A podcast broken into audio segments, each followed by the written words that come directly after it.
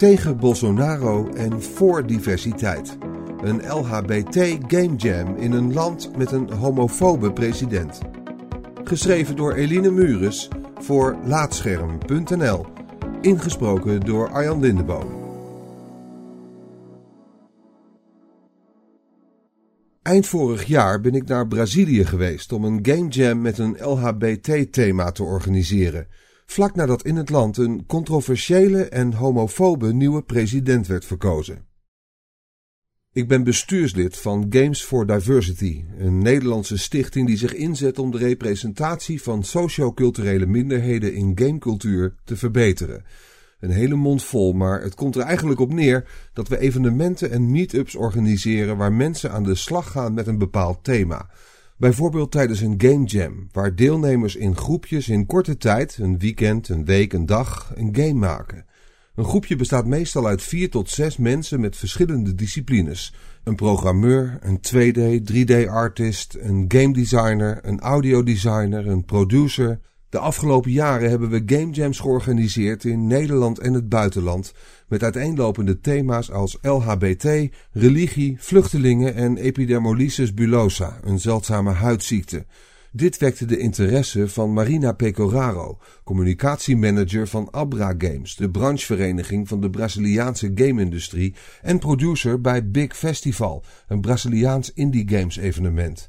We besloten samen met haar een tweedaagse game jam te organiseren in Sao Paulo tijdens Mix Festival, een cultureel festival rondom diversiteit. We noemden de game jam daarom Big Mix Jam for Diversity. Er is nauwelijks budget, maar Marina weet de middelen bij elkaar te brengen om de game jam mogelijk te maken. In een klaslokaal van een kunstacademie zet ze samen met familie, collega's en vrijwilligers alles klaar voor de jam. Het valt meteen op hoe gastvrij en warm het is. Geld voor catering is er niet en Marina heeft daarom met familie ontbijt, lunch en diner gemaakt voor de deelnemers. Ik moet even wennen aan dat iedereen me standaard begroet met een omhelzing en een kus op de wang. De jam wordt geopend met wat inspiratie voor de deelnemers. Onder andere presentatrice Josiane Aguiar en game designer en drag queen Amanda Sparks komen aan het woord. Ze vertellen waarom het belangrijk is om diverse personages te hebben in games.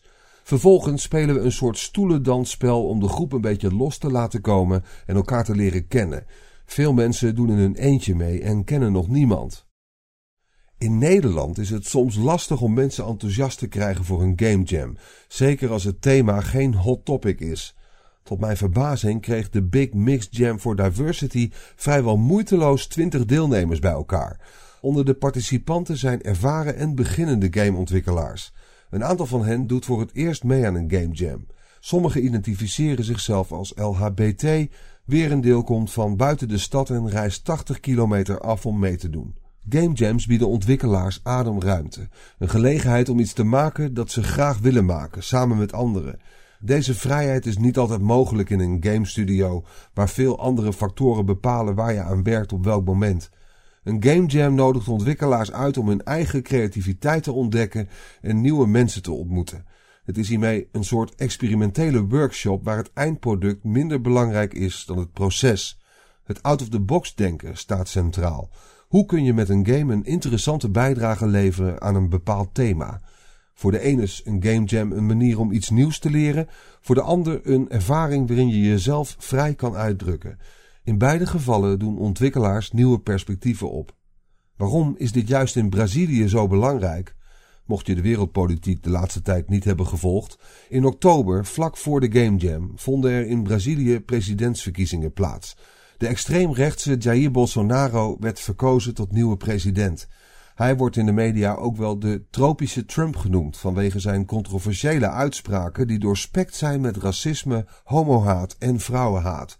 Zo vergeleek hij homo's met pedoseksuelen en zei hij dat hij liever een dode zoon heeft dan een homoseksuele zoon. Uit deze politieke ontwikkelingen kun je inspiratie halen.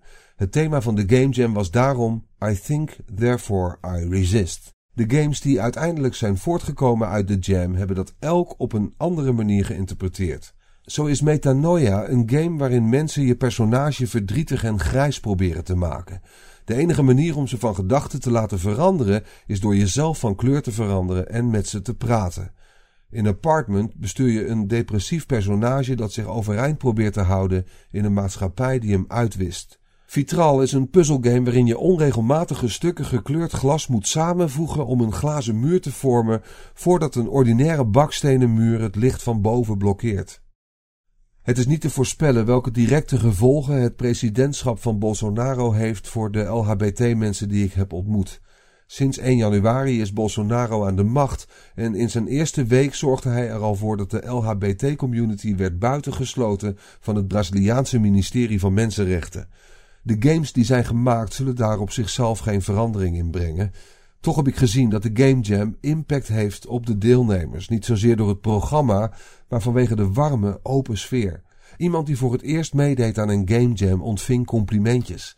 Een homoseksuele deelnemer deelde zijn ervaringen met iemand anders. Een transgender deelnemer die in het begin bijna niets zei, was tegen het einde veel opener en meer op haar gemak. In de onzekere tijden waar Brazilië nu in verkeert, is het zo belangrijk dat kwetsbare individuen een community vinden waarin ze steun ontvangen. De game-industrie is een van de plekken waar mensen dat kunnen vinden.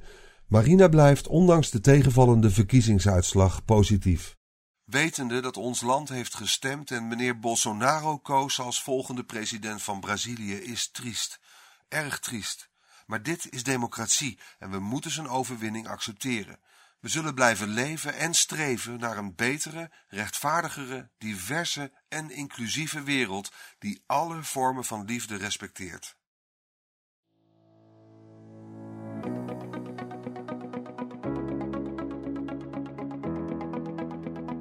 Dankjewel voor het luisteren naar deze aflevering van Laatscherm voorgelezen.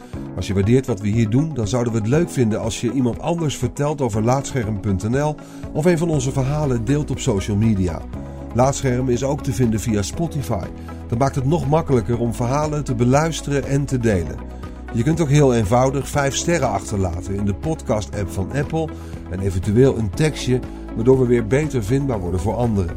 Luister ook naar onze andere podcast, Praatscherm, en ga voor meer verhalen, geschreven of gesproken, naar laatscherm.nl.